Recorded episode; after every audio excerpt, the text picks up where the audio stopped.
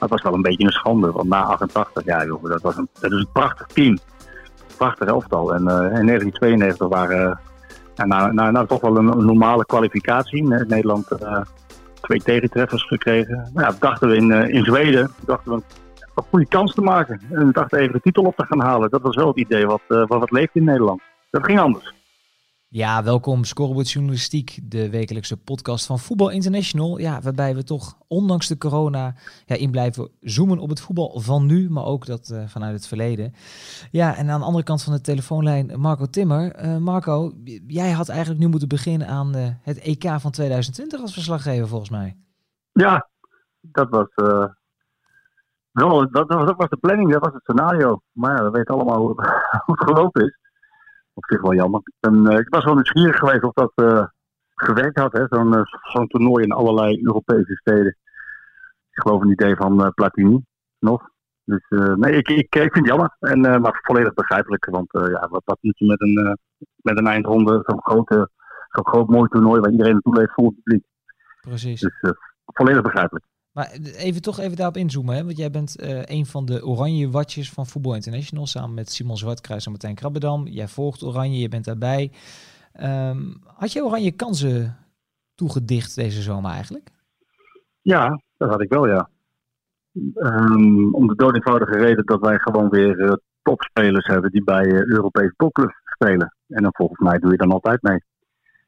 Ronald Koeman die heeft er weer een, ja, die heeft een nieuw leven ingeblazen. En die heeft daar weer een swingend uh, geheel van gemaakt. En het gaat nog niet altijd goed. En ik ben ook wel heel erg uh, afhankelijk soms nog van één man voorin. Hè? De, de, de, mooie grillen en grollen van uh, Memphis Depay. Die je waarschijnlijk wel gehaald zou hebben. Hè? Daar was hij heilig van overtuigd.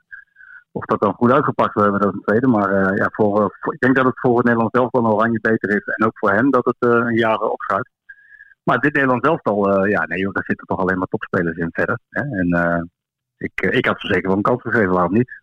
Hij is ook een beetje chauvinistisch hoor. Ik, wil, uh, ja, ik weet ook wel dat er andere landen die, uh, die altijd meedoen ook weer nu een, uh, een kans hebben gemaakt. Maar wij, wij zijn een heel klein landje ten opzichte van heel veel andere grote Europese landen en, en, en op wereldschaal voetballanden, Argentinië, Brazilië en noem maar op. Maar ja, we, presteren het toch om steeds weer hele goede voetballers um, ja, klaar te stomen voor, voor eindtoernooien en grote clubs.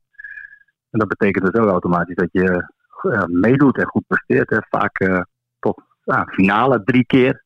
Ja, één keer gewonnen. Drie keer een WK-finale, één keer EK-finale gewonnen. Uh, ja, WK-finale helaas nog niet. Maar dat is heel knap als je zo'n klein landje bent en je zit er steeds bij. En dan heb ik ook niet eens over de halve finale die we hebben gespeeld op, op die eindtoernooien. Dus ik had, ja, zeker had ik ook aan je kans gegeven. Mooi is dat. Je, je voelt bijna alweer van die oranje gek die dan los kan barsten in zo'n zomer. Waar we het nu over hadden gehad. Hadden we het wekenlang gehad over Memphis wel of niet. We hebben het ook wel eens met Arjen Robben gehad, herinner ik mij het verleden. Is die fit? Gaat hij meedoen of niet? En, en wat zijn de kansen? Jij noemt chauvinisme. En dat komt wel goed uit. Ik heb de nieuwe VI hier voor me liggen. En het gaat over de succestoernooien van Oranje. Om toch even dat, dat gevoel weer een beetje op te roepen van ja, hoe dat nou was. En, en hoe het had kunnen zijn misschien nu wel.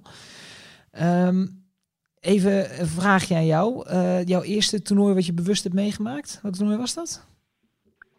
Nou ja, ik groeide eigenlijk op. Uh, ik ben in 71 geboren, ik ben 48 jaar. Dus de 74 en 78 toernooi heb ik niet bewust meegemaakt als kind. Dat, die, die, herinnering ligt te ver weg.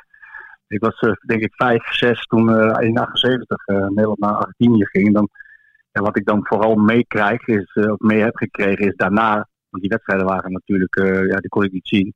Of mocht ik niet zien destijds. Maar het ging ook vooral over uh, bloed aan de paal. Hè. Moeten we daar wel heen gaan? Hè? Fidela, de Junta, Argentinië, dwaze moeders. Ja, dat heb ik wel meegekregen. Maar misschien ook wel een beetje achteraf. Hè? Als je wat, uh, wat meer opgroeit en af en toe die toernooi voorbij ziet komen. Maar ja, als ik, als ik dan toch moet denken aan een van de eerste uh, dingen een van de eerste herinneringen als ik dan over dat toernooi praat. Hè, 74 was echt, nog was ik echt te jong, maar daar kom ik zo meteen nog wel even op terug.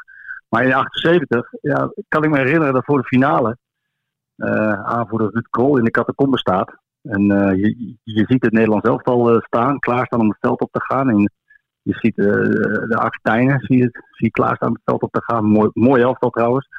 En dan, dan ja, moeten ze het veld op en je ziet die spanning. Hè? Er is natuurlijk veel gebeurd. En, en het leek wel alsof Nederland niet mocht winnen, ook hè, dat toernooi. Um, en die spanning, die, ja, je kijkt het stadion helemaal vol. En, en lawaai en papiersnippers. En, en je ziet de nerveuze kopjes en dan zegt Ruud Krol ineens... hey, volgens mij spelen ze vandaag in blauw-wit. dat, is, dat is geniaal natuurlijk. Dat is fantastisch. Ehm, ja, dat is wat ik me van dat toernooi herinner. En toen kwamen eigenlijk de donkere jaren tachtig, waarin, waarin ik zelf als tiener opgroeide, ja, waarin we er eigenlijk niet bij waren, hè, een paar toernooien achter elkaar. En uh, ja, pas in 88, nou, toen was ik 16. Ja, dat was mijn eerste echte toernooi dat ik ook alle wedstrijden uh, zag van Nederlands elftal. Ja, met, met een um, halve finale tegen Duitsland. De, de, de teen van Marco van Basten, Kohler net te laat. En die bal gaat er dan in. Een grote ontploffing.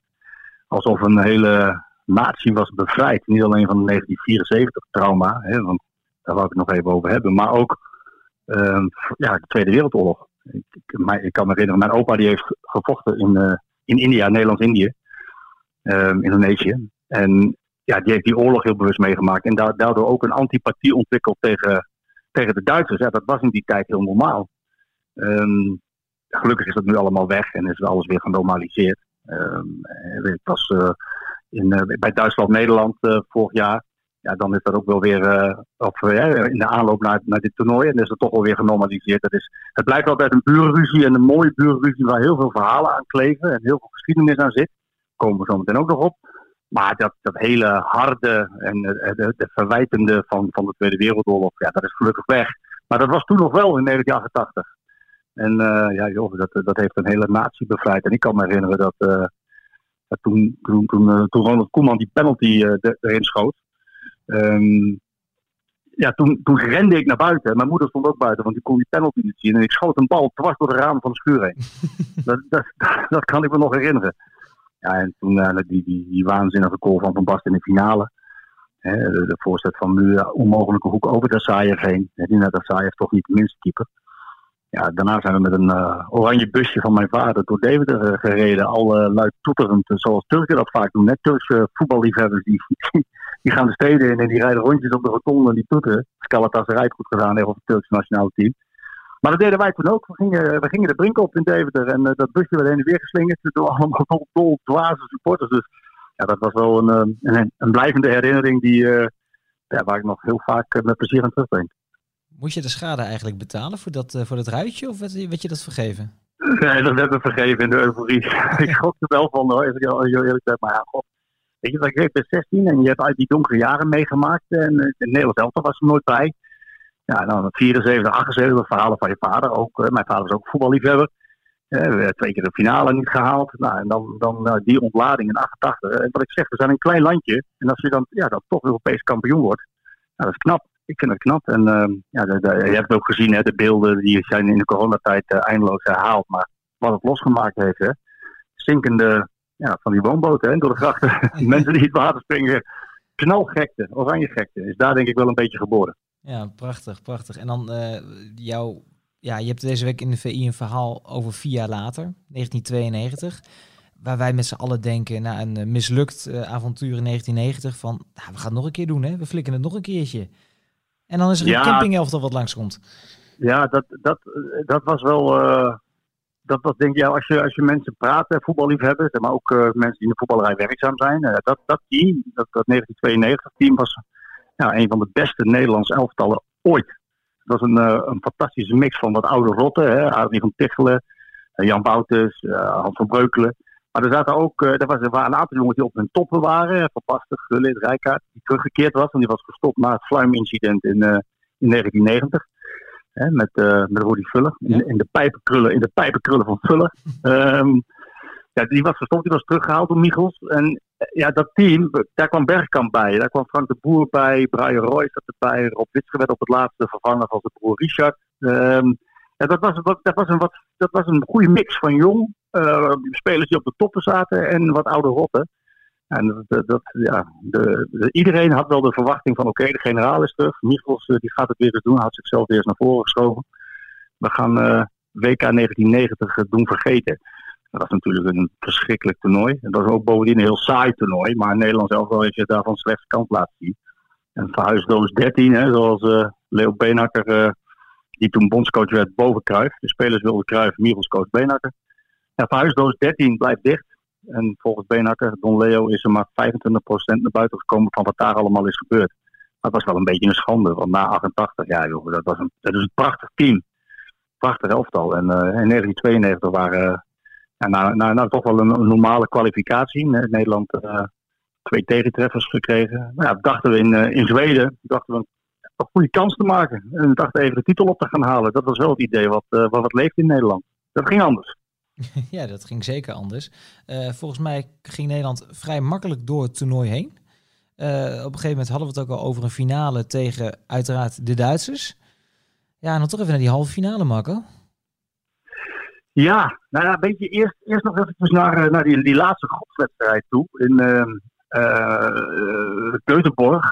tegen, tegen de Duitsers. die wedstrijd is misschien wel, ja, dus misschien wel de beste Nederland-Duitsland uh, ooit geweest. En, en Marco van Basten, die speelde uh, eigenlijk een, een, een, moeizaam toernooi. Hij had niet gescoord in de wedstrijden ervoor. Uh, was op de toppen van zijn kunnen. Was kampioen geworden met AC Milan. En 25 goals gemaakt. Serie A topscorer geworden. maar het, het, het, ging moeizaam. En, en die wedstrijd tegen de Duitsers, dat werd 3-1 die wedstrijd, dat was een, ja, toch wel een beetje een gala-voorstelling. Eh, de, de, de, rest van de teams op dat EK was vrij defensief. Uh, en Nederland speelde uh, aanvalsvoetbal. Het, het, was ook alsof Rinus Michels, en dat is later ook wel beschreven door, door anderen, het was alsof Michels voor eens en altijd wilde afrekenen met het predicaat van resultaattrainer. Hè. We weten nog, EK 88 was ja, Van Basten Spits, Ruud Gullit was de, de, de, andere aanvaller, dat, was het eigenlijk. Ja, is toch on-Nederlands. Niet 4-3-3, niet aanvallend, zoals ja, Ajax speelde in de jaren 70, uh, eh, later Ajax speelde in 95. Uh, Barcelona speelde. Nou, dat was het niet in 88. En, en hij, wilde, hij, wilde daarvan, uh, hij wilde eigenlijk daar mee afrekenen. Dus hij stelde Van Basten op, hij stelde Gullit aan de rechterkant op, Brian Roy aan de linkerkant, Dennis Bergkamp op 10 en Rob Witschop, die ook aanvallend dag nog uh, op, de, op de linksmiddenplaats. Het was een heel aanvallend team. En dat kwam allemaal samen in die wedstrijd tegen Duitsland. Die wonnen we met 3-1. Van Basten scoorde niet. Maar die speelde weergeloos. Die sleurde en die trok en die maakte gaten voor Bergkamp. En die, maakte ook, ja, die scoorde ook. Um, en uiteindelijk winnen we die wedstrijd met 3-1. Ja, toen stond het land op de kop. En toen dachten we met z'n allen van ja, we gaan uh, die finale halen. Uh, en winnen. En sterker nog, we gaan in die finale de Duitsers opnieuw vernederen. Want die hadden de halve finale gewonnen van Zweden. maar ja, we moesten nog eventjes, eventjes moesten we nog langs Denemarken. En ja, die, ja, je zei het al, een soort van campingelftal, hè, die, uh, die zouden niet meedoen. Ja, die deden wel mee. Joegoslavië was dat ingevallen. Precies. En het was uh, burgeroorlog in Joegoslavië. En tien dagen voordat het toernooi begon, kreeg uh, Denemarken ja, de, de, kans om mee te doen. Ze, mocht, ze mochten invallen als ze waren de vervanger van Joegoslavië. Ja, en sommige spelers, de buitenlandse spelers van het Deense elftal, die hadden al uh, vakantie. Die lagen al uh, aan het strand of op de camping. Vandaar de, de term camping elftal. Richard Muller-Nielsen. Ja, dat, dat, dat, team van hem, de bondscoach, werd gezien als opvulling. Maar ja, ze, in een pool met Engeland, Frankrijk en Zweden overleefden ze. En uh, ja, uiteindelijk kwamen ze dan in de halve finale tegen, tegen Nederland. En Nederland was, net als in 1976, toch alweer met het hoofd bij de finale tegen Duitsland. En, en als je kijkt naar de, de spelers die over dat toernooi gesproken hebben, de Nederlandse elftal spelers, dan zeggen ze allemaal achteraf, ja, moeten gewoon zitten dat we de Denen hebben onderschat. En dat is natuurlijk gek. En dat je met je hoofd bij, uh, bij Duitsland bent en dat je na zo'n geweldige galavoorstelling tegen die Duitsers in de, in de groepsfase, die met 3-1 wint, dat je dan uh, eigenlijk kansloos bent tegen, tegen de Denen. Die komen twee, op, op 2-0 voorsprong. Toen werd het Nederlands elftal, uh, ze kwamen op 2-1 voorsprong. Toen werd het Nederlands elftal een beetje wakker. En uiteindelijk uh, was het uh, Rijkaard die, uh, ja, die vlak voor tijd nog de 2-2 binnenschiet in een scrimmage. Ja, en Smeichel die pakte in de verlenging eigenlijk alles. Vanaf de, de tweede helft was wel eenrichtingsverkeer. In het, naar het doel van Peter Smeichel, de doelman. Die pakte alles. Ja, na 120 minuten is het dan 2-2. Dan moet je penalties nemen. En dan de helft van 88. Marco van Basten is de enige die een strafschop mist. En die de held werd de slemiel. Dat is een beetje. en eigenlijk was het de, de, ja, de, de laatste veldslag van, uh, van Michels. Hè? De, de laatste veldslag van de generaal. Wat een glorieuze overwinning had moeten worden voor het aanvallende voetbal. En hij altijd uh, ja, de oranje geschiedenisboeken in zal gaan als uh, ja, een aanvallende trainer die toch twee keer de EK-titel won. Ja, dat, dat werd een roemloze aftocht. Juist omdat het om een campingelftal ging. Dus dat de Denen uiteindelijk nog wonnen van, van Duitsland in de finale was een, was een pleister wat een hele diepe wond. Maar wel een hele kleine pleister. Ja, een, hele, een hele kleine pleister wat dat betreft. Ja, de brink bleef leeg. Nu, uh, het leuke hieraan is, jij bent verslaggever bij VI. Dat ben je echt al jaren. Je volgt dus ook het Nederlands elftal. Je hebt ook de Oranje Leeuwinnen gevolgd. Maar net als ieder ander, eh, zeker ook bij de mensen die bij VI werken, je bent in de baas ook gewoon fan. Dus ik wil je nu toch even vragen. 96 en 98, uh, de kies er eens eentje uit. Want uh, volgens mij was jij daar gewoon als supporter aanwezig. Ja, daar was ik bij als uh, voetballiefhebber. In die tijd was het nog wel een dingetje om kaartjes te kunnen regelen. En, uh, later werd het nog alleen maar moeilijker. Maar wij met een groep familie, vrienden, combineerden wij ja, zeg maar drie dingen samen. Dat was een, was een lang, een lang kano-week. Gingen we kanoën in een desbetreffende land. met even terug naar de basis, tentje, biertje, kampvuurtje, barbecue, je kent het wel. En daarna deden we voetballen. Nou, dan gingen we dan naar, naar de desbetreffende stad waar er gevoetbald werd. Daar gingen we Nederland zelf al kijken. Dompelden we onder, ons onder in de oranje gekte. Deden we gewoon mee. Um, ja, dat, dat, en daarnaast was het natuurlijk gewoon, ook gewoon feesten. Dat, die, die, die drie dingen was een fantastische week altijd. In, in, in 96 was ik erbij in Engeland. En dat was volgens mij uh, Nederland-Zwitserland uh, in Birmingham. Ja, dat was fantastisch. Ook uh, de, de, de, de, mars naar het stadion toe. En de wedstrijd tegen Zwitserland heb ik dan live in het stadion gezien. 2-0. Nederland won. Jordi Cruijff en, en Dennis Bergkamp, die, die scoorde. iedereen in het oranje natuurlijk. ik in die tijd ook nog, want ja, ik ben jong. Um, als ik er nu naar kijk, dan denk ik wel eens van, uh, was ik ook zo? Ja, zo was ik ook. Heel ja, goed, heel nu, goed. Nu, nu, is dat anders. Maar er was een man achter mij uh, in het stadion, die was in blauw. Op de tribune? Dat was Joep van Hek. Op de tribune, en dat was Joep van het Hek. En die, die, die, die, die, detoneerde volledig in, het, in de Oranje Zee. Um, ja, die, die had misschien toen al wel door van ja, ik, ik wil niet geassocieerd worden met die carnavalgekte. Um, nou ja, goed, dat, dat, dat werd natuurlijk een grote joepie, joepie, joepie show. Dat, dat, dat, kun je je voorstellen. Maar goed, het was fantastisch om daarbij te zijn. En uh, ja, het is, dat is uiteindelijk ook niet het toernooi geworden hè, voor, uh, voor Oranje. We, we, weten nog de kabel. Um, ja. die, die, die, dat, dat werd toen breed uitgemeten in de pers. Uh, Davids Hiddink. nou, het, het, het, was niet het toernooi van Oranje, maar ik heb daar wel een, een geweldige ervaring en dus herinnering aan aan dat toernooi. Ik kan me voorstellen dat 98, ja, dat litteken is ook groot, maar dat was als voetballiefhebber misschien wel een mooie toernooi. Ja, zeker. En dat was ook een geweldig elftal natuurlijk weer. Hè? Met uh, ja, de boertjes, Cocu, Bergkamp, Davids, ja, Kluivert, noem maar op. Dat, dat, was een, dat, dat, is ook een geweldig Nederlands elftal geweest. En uh, ja, daar hebben we het echt heel goed gedaan. Ook dat, dat was een geweldig toernooi. Ook weer een halve finale gehaald. Ja, en weer uh, penalties verloren. Dat is toch wel wat, wat, wat Van Basten destijds in werking heeft gezet. In 92 werden we eigenlijk wel penalty-syndroom sinds dat moment gehad een tijdje. In 1998, of in 1998 ging dat fout. Verloren door penalties van Brazilië. Uh, die wedstrijd zelf eigenlijk de 1-1. En dat was jammer, want ook dat team, ja, dat was geweldig elftal. Had ook nog de finale kunnen en misschien moeten halen. Want het was ook weer een soort gouden lichting. En ja, wat dat betreft kom ik terug op wat ik eerder al zei. Wij, wij zijn echt een klein landje. En als we dan zo kunnen presteren en die halve finales halen en die finales halen, en ook al win je ze dan niet allemaal, dan, heb je, ja, dan mag je toch weer terugkijken op een geweldige oranje geschiedenis. Hoor. Wij, wij mogen als, als Nederland en als voetballiefhebbers echt trots zijn op wat wij hebben gepresteerd met dit kleine landje. Wij zijn wel eens heel erg kritisch. Hè? En dat hoort ook bij ons, hoort ook bij Nederland. Want dan, hè, dan maak je jezelf ook weer sterker. Dan gaat de lat weer omhoog. Er wordt met een kritische blik naar gekeken. Komen de hele dure rapporten die een, die een jaar later weer in, de, uh, weer in de prullenbak kunnen, omdat we het toch wel goed doen.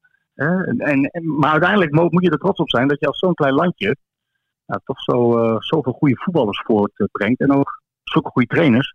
En uiteindelijk dus ook de, de, de, de, prestaties haalt op die eindtoernooien die, die we hebben gehaald. Want dat is, ja, dat is knap en dat doe je niet zomaar ik denk dat er heel veel landen in de Europa zijn en ook in de wereld die niet zo'n special kunnen maken als dat wij nu gemaakt hebben met al die mooie eindtoernooien en al die prestaties die we hebben gehad. En nu vind ik het leuke, jij bent uh, in eerste instantie ben je supporter net als iedereen, dan word je verslaggever, dan krijg je op die manier met Oranje te maken. Maar jij was ook op het allerlaatste eindtoernooi van een, uh, een Nederlands elftal, kunnen we wel stellen, uh, waar Oranje ook boven zichzelf uitsteeg. Ja, dat doet op de, de Oranje Leeuwinnen. Dat was het laatste eindtoernooi. Ja, ja, zeker. Nee, daar was ik bij. Daar, daar heb ik een maand in Frankrijk gebivakkeerd met, met Ivan van Buren, de vaste volger van, van Oranje en ook Maurice, onze cameraman, die was er veel bij. Ehm, ja, nee, dat was, dat, was, dat was bijzonder om mee te maken en heel leuk. En waarom heeft VI daar een tweede man aan toegevoegd? Ook omdat ja, het Nederlandse team uh, daar recht op heeft. Want het, damesvoetbal wordt steeds groter en groter en, uh, en nog steeds serieuzer. En ik ben in, um, voor dat toernooi in Frankrijk uh, begon, ben ik op een, op een FIFA-conferentie geweest over het vrouwenvoetbal in Parijs. Ja, en daar kwamen hele schrijnende gevallen werden daar besproken. Er kwamen sprekers op het podium en die aangaven waar het voetbal, het vrouwenvoetbal heeft gestaan in de wereld en waar het nu staat en waar het naartoe moet. En, en als je dan de, de verhalen hoort van, van, ja, van, van spreeksters uit, uit, uit, uit Afrika, um, die, die echt als pioniers uh, voetbal in plaats van kogels hebben gepropageerd. Hè? Dat, dat vrouwen vooral moesten gaan voetballen en die voortrekkersrol hebben vervuld. En ook dat werd hun niet in dank afgenomen. Ja, die komen van ver, die komen van echt heel ver. En dan gaat zo'n toernooi, zo'n WK, dat gaat meer dan alleen maar over voetbal. En dat gaat ook over bevrijding. En dat gaat over bewustwording en emancipatie en gelijke rechten. Um, dat vond ik heel, uh, heel, heel bijzonder om te zien. En tegelijkertijd vond ik het ook jammer, omdat um, zo'n eindtoernooi moet over voetballen gaan. En de reden dat wij daar met twee man waren. Ik moet zeggen dat de Nederlandse pers het sowieso heel serieus nam hoor. Want uh, AD was er met, geloof met vijf man, NOS met twintig, als ik me niet vergis. Ehm, we, hebben, we hebben het met de Nederlandse pers echt heel erg serieus gevolgd. En daar hebben ze recht op. Ook omdat ze natuurlijk Europees kampioen was geworden. Maar ook omdat het voetbal uh, steeds serieuzer wordt. De sport wordt steeds serieuzer. Hè? Waar je vroeger. Um, nou, goed, we, we, weten allemaal wat de mannen uh, ervoor moeten doen en hoe ze eruit zien. Dat zijn echt topatleten. Nou, dat, dat, doen die vrouwen ook steeds meer en steeds beter. En dat zie je ook over de hele wereld. Als je kijkt naar Engeland, naar Frankrijk, naar Brazilië, naar Amerika en dus ook Nederlands team. Dat zijn echt atleten geworden. En dat moet ook, want ze nemen de sport serieus, ze nemen zichzelf serieus. Uh, en dan moet je ook serieus uh, benaderd worden. Nou ja, wat mij dan wel tegenviel, ondanks de finale plaats, was het voetbal. En ja, als je Europees kampioen bent geworden, ja, dan schept dat verwachtingen. nou ja, goed, dan, dan ga je dat analyseren en dan zie je dat elftal van Sarina Wiegman. En dan kun je constateren dat er een nieuwe werkelijkheid is ontstaan rond, rond dat team. Waar ze vroeger, waar er niet echt heel erg rekening werd gehouden met dat team. En, en ze dus vanuit de omschakeling konden gaan spelen, de counter. Ja, uh, was op WK anders. De teams gingen inzakken. Die dachten van ja, jullie zijn Europees kampioen, uh, wij kijken wel uit. Jullie mogen de bal hebben, ga je gang maar. En ga maar voetballen. Laat maar zien dan dat je Europees kampioen bent. Nou, en dat viel tegen. Het was een nieuwe situatie. Ze moesten voetballen, dominant voetballen, goed zijn aan de bal op de helft van de tegenstander. En die moesten ze kapot spelen. Ja, en de tegenstander die kon dan het spelletje spelen wat Nederland zelf al speelde daarvoor. Dat is counteren. Nou moet ik zeggen dat ze wel door die groepsfase makkelijk heen rolden. Maar het voetbal was gewoon niet goed. Cameroen, Nieuw-Zeeland, Canada. Kan ik me herinneren. Uh, wel negen punten. En daar gaat het tenslotte om. Oh. Maar ja, de kritiek was er. De kritiek was er. En dat was voor hun wel nieuw. Het was echt nieuw voor ze. Konden ze daarmee omgaan? Ja, niet allemaal. Niet allemaal. Want ze keken ook naar hun prestatie. En de prestatie kunnen, kunnen heel moeilijk over doen. Maar voetbal gaat om winnen. Winnen en dat is het enige wat telt. En als je wint, dan heb je het wel eigenlijk goed gedaan. In Nederland zijn we zo verwend met goed voetbal. En dat willen we eigenlijk ook. Dat is min of meer ook een eis. We willen ook goed voetbal zien. Dat, uh, ja, dat, dat je daar ook om gaat vragen. En dat, en dat wilden ze zelf ook. Ze wilden zelf ook goed voetbal spelen. En ze erkenden ook dat het anders moest. Omdat uh, ja, de ruimtes nou eenmaal kleiner werden. Dus ze moesten op een andere manier leren voetballen.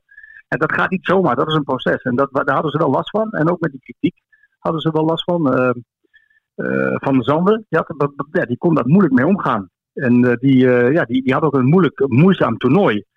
die heeft dat later ook erkend. Dat, dat, dat het voor haar lastig was. Niettemin blijft de prestatie natuurlijk overeind staan. Hè? Dat, dat Nederland ja, toch uiteindelijk die, die finale heeft gehaald. wel ook met de nodige kunst en vliegwerk hoor. Want ik kan me nog een wedstrijd tegen Japan herinneren. Die won Nederland dan door een penalty van, van Martens in de, gewoon in de 90ste minuut. Um, met 2-1. Maar ze werden echt eigenlijk weggetikt. Dat was voetbal, wat de Japanners speelden. Dat was echt voetbal. Dat was gewoon combinatiespel. Nou, dat heb ik bij het Nederlands elftal uh, eigenlijk niet zo goed gezien. Maar uiteindelijk uh, ja, halen ze die finale. Ja, en dan spelen ze tegen zo'n groot macht als, uh, als de Verenigde Staten.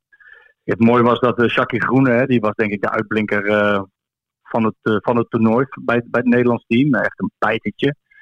ook steeds bezig met beter willen worden en het, het proces snappen. Dat je, dat je anders moet voetballen en daardoor dus ook anders naar jezelf kijken en jezelf beter willen maken en ontwikkelen. Zodat je ja, in dat proces een leider kan zijn. Ja, die was helemaal in tranen na afloop van de finale. Die, twee, die, die Nederland 2-0 verloor. Maar, maar eigenlijk was Nederland gewoon kansloos. Dus ik denk als je zo kansloos verliest. Hè, met uh, al die topspelers die Amerika heeft. Ze kunnen wel twee elftallen opstellen. Die allebei beter zijn dan, dan dit Nederlands team. Dan denk ik als je zo kansloos verliest. Ondanks dat de uitslag maar 2-0 was. Ja, dan hoef je daar niet, hoef je daar niet uh, zo verdrietig om te zijn. Of, of je voor te schamen. Maar dat was wel zo. Ze vond het echt verschrikkelijk. Echt dat ze, dat een kans uh, maakten. Ja, dat was niet zo. Ja, dan kon je echt zien dat Nederland nog heel veel te doen heeft. En gelukkig zet die ontwikkeling zich wel door. Dus dat is, dat is mooi voor, en goed nieuws voor, voor alle vrouwen. Ja, en ik denk dat het wel mooi is. Ik denk dat waar de 16-jarige Marco Timmer misschien een bal door het schuurtje heen schoot. Dat de 16-jarige meisjes van nu dat misschien ook wel hebben gedaan in 2019. Ja, nou ja, dat, zeker. En, en wat, ik, uh, wat mij opvalt, hè, bedoel, ik heb ook kinderen die voetballen. Mijn dochter die is 15 die voetbalt en mijn zoon die is 12 die voetbalt. Wat mij opvalt is dat, dat er in het land gelukkig, gelukkig nu een soort van realistisch beleid is wordt gevoerd. Ik, heb het nog niet over de eredivisie vrouwen. Daar moet veel meer geld naartoe om dat goed te krijgen. Zodat die topspelers die wij hebben niet meteen al weg zijn.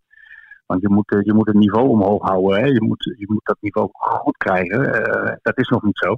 Maar dan moet je wel die basis moet heel, heel breed en, en goed zijn. En, en dat, dat gaat steeds beter. Ik zie uh, tot, tot en met de C'tjes zie ik meisjes met de, de, de, toptalenten. Bij de meisjes zie ik met de jongens mee voetballen. En uiteindelijk met 15, 16 zal dat fysiek wat moeilijker worden. Maar je ziet ze niet meer weggestopt bij alleen maar meisjes. Want ja, daar worden zij niet beter van. En ze worden wel beter onder weerstand met jongetjes. En wat mij opvalt is dat de meisjes die bij de jongens meedoen niet zelden tot de, tot, tot, tot de betere horen qua techniek. Dus um, wat dat betreft uh, gaat dat de goede kant op. En uh, voor mij was het heel leuk om, uh, om dat van daarbij te volgen. Was het voetbal goed? Nee. Was ik kritisch? Ja. um, werd, dat in, werd me dat dank afgenomen? Nee, niet altijd. Maar ja, dat is wel, dat is wel een nieuwe werkelijkheid. Zij, zij presteren, ze nemen het serieus. Wij nemen het ook serieus. En was het goed? Nee, het was niet goed. Uh, ondanks de finale plaats dat wel goed was. En in Nederland hadden we gewoon weer een mooie oranje zomer. Marco, tot slot. Blijft dit? Blijven wij zo'n uniek voetballandje? Ja, ja, ja, zeker. Absoluut. absoluut. Wij, hebben, wij hebben het vermogen om uh, ons uh, steeds opnieuw uit te vinden. En de dingen die we goed doen, die we al heel goed doen, want we leiden in Nederland echt wel goed op, om die nog steeds beter te doen. En uh, ja, we hebben wel een tijdje gehad, vind ik, dat, uh, dat we fysiek even wat achterliepen als, je de, als je de jongens uit uh, Noorwegen die hier kwamen voetballen of in Zweden. Of, kijk, het is niet voor niks dat zo'n zo'n IJsland uh, toch een paar keer op zo'n eindtoernooi is. En dat is niet alleen maar, dat is niet omdat ze zo fantastisch goed kunnen voetballen, maar dat is wel omdat ze A, zo ongelooflijk fit zijn en een, een, een, een, mentaliteit hebben waar je nooit aan hoeft te twijfelen. Ja, dat, dat, daarmee ben je er al bijna in het, in het nieuwe voetbal. Nou, in Nederland is dat niet genoeg, maar we hebben dat wel eventjes moeten accepteren. dat wij in ieder geval aan die fysieke eis uh, moeten voldoen. En we kunnen met z'n allen zeggen van ja, de, de, dat rapport winnaars van morgen, dat sloeg allemaal nergens op. Dat, zal ook voor een groot deel zo zijn. Maar die fysieke component, die hebben we er wel echt aan toegevoegd. En het is niet voor niets als je spelers spreekt die in het buitenland actief zijn, dat ze allemaal zeggen van poh, er wordt hier hard getraind. Veel harder dan in Nederland. Wat ik hier moet doen in Duitsland of wat ik in Engeland moet doen, dat is echt niet normaal. Ja, dat is nou eenmaal wat het internationale voetbal vraagt. Um, nou, daar hebben we nu wel, dat, dat is wel toegevoegd. Als ik trainingen zie bij Ajax of de PSV in het verleden, maar ook wel bij andere clubs hoor, dan, dan is daar um, ja, die, die, dat, dat, dat, die component, de fysieke component is echt wel, echt wel belangrijker geworden. En de bewustwording bij de jongens dat, dat je, ja, dat je het, het goed verzorgen van je lijf, meer doen, extra doen, voor een training, na een training, ja, dat, dat, dat zit er ook in. Zo'n zo'n Dusan bij Ajax, ja, die, ja, dat is een, een, beter voorbeeld kun je niet hebben in je, in je club. Al die jonge jongens die zien dat, wat hij doet, hoeveel wedstrijden hij kan spelen, op, op wat voor niveau. Dat is zo belangrijk. En ja, als we dat uh, blijven doen en onszelf verder niet verlogenen, maar gewoon uh, uh, ja, de, de, de, dingen die wij in het verleden goed hebben gedaan blijven uitbouwen, daar ben ik er zeker van. Dat wij steeds hele goede voetballers zullen blijven opleiden. En dus ook uiteindelijk goede trainers die de voetballers weer beter maken. Wat, wat, wat me wel een beetje zorg baart, is dat die onderkant in het amateurvoetbal, die moet breed blijven. En als je dan hoort dat het ledental van de KNVB wat terugloopt, en met name uitstroom is van de jongens van 15, 16, 17 jaar, dan, dan denk ik wel, ja, we moeten wel zorgen dat we die basis breed houden, zodat, er, zodat we altijd uh, talent blijven uh, produceren. En dat zal wel gebeuren, maar in deze tijd. Uh, kijk, vroeger hadden we niet zoveel doen in de zin van schermpjes, smartphones, iPads, Netflix, weet ik allemaal wat. Wij, wij waren op straat aan het voetballen. En ja, toch, toch is er meer gekomen. En dat zorgt er ook voor dat, ja, dat jongens en meisjes misschien wat, wat, wat eerder afhaken. Maar als we dat een halt toe kunnen toeroepen en we blijven ons opnieuw uitvinden, dan, en we blijven dingen goed doen die we al goed deden, dan blijven wij als klein landje mag echt super trots zijn dat we zulke toptalenten blijven produceren. Het zal in de toekomst niet anders zijn. En dus krijgen we weer mooie oranje zomer. Lang antwoord op jouw vraag. uitstekend, uitstekend. Dankjewel. Marco Timmer, ook bedankt voor deze reis door de tijd, door, ja, door de mooie zomers uh, in het Oranje, waar we ons allemaal wel iets bij voor kunnen stellen. Ja, en de VI, ja, aan de hand van reconstructies, interviews, persoonlijke verhalen en ook heel veel foto's, ja, dompel je toch nog even een keertje onder in ja, al het succes wat we als klein voetballandje toch uh, hebben bereikt. Ik zou zeggen, uh, lees de VI van deze week, koop hem in de winkel of lees de verhalen op VI Pro. Marco Timmer, dankjewel. En uh, ja, tot op het EK van 2020 in 2021. Ja, nou, kijk ernaar uit.